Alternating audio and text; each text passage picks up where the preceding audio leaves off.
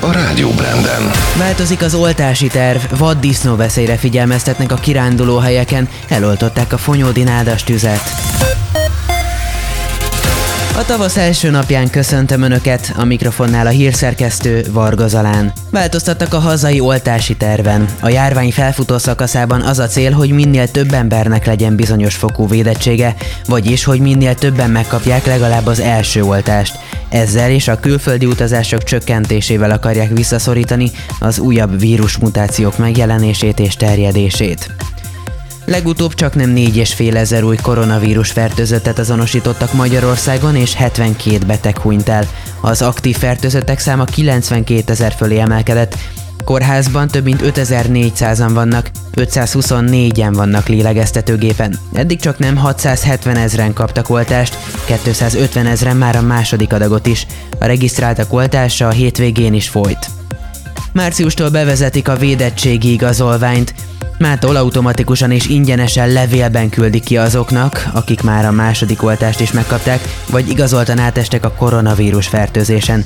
Gulyás Gergely miniszterelnökséget vezető miniszter a heti kormányinfón azt mondta, arról később döntenek, hogy mire lesz jogosult, akinek van vakcina igazolványa.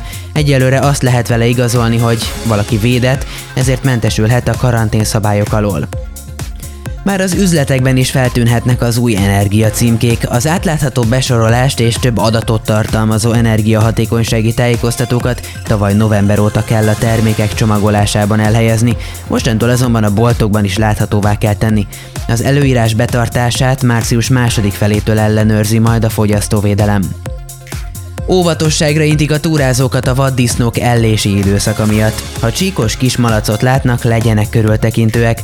A turista utakról ne térjenek le, a kutyát pórázon sétáltassák, és sötétedés előtt hagyják el az erdőt. Ha valaki csörtetést hall, meg kell állni, és várni addig, amíg az örej elhalkul. Erre figyelmeztetnek szakemberek. Eloltották a tüzet a fonyódnál kigyulladt nádasban. A hatalmas lángok megfékezésére 8 helyről érkeztek hivatásos, önkormányzati és önkéntes tűzoltók. A munkát nehezítette az ingoványos, mocsaras terület, valamint az erős szél. A berek szombaton délután gyulladt ki a város külterületén, arról egyelőre nem tudni, hogy mi okozta a természeti katasztrófát. Az Országos Katasztrófa Védelmi Főigazgatóság szerint nagyjából 120 hektárnyi terület égett le Fonyód és Balatonfenyves között. Országszerte csökkent a légszennyezettség a hétvégén érkezett hidegfrontnak és a szeles időjárásnak köszönhetően a legtöbb településen elfogadható lett a levegőminőség. A következő fokozatot jelentő kifogásolt minősítést kapta Nyíregyháza, Putnok, Salgó, Tarján, Szolnok, Kecskemét, Dorog és Veszprém levegője, míg Szegeden egészségtelen a levegőminőség a Nemzeti Népegészségügyi Központ adatai szerint. Időjárás. Ma általában napos időre számíthatunk, csak délután zavarhatnak minket felhők, akkor is csak a keleti ország részben. Eső sehol sem várható, viszont az északi szél élénk lesz. A legmagasabb nappali hőmérséklet 7 és 12 fok között alakul. Aztán kedden a kevés gomoly felhő mellett több órás napsütés lesz, csapadék akkor sem várható. Mérséklet lesz az északi szél, akkor is 7-12 fokig emelkedik majd a csúcsérték. A szerkesztőt Varga Zalent és a Rádió Brand híreit hallották.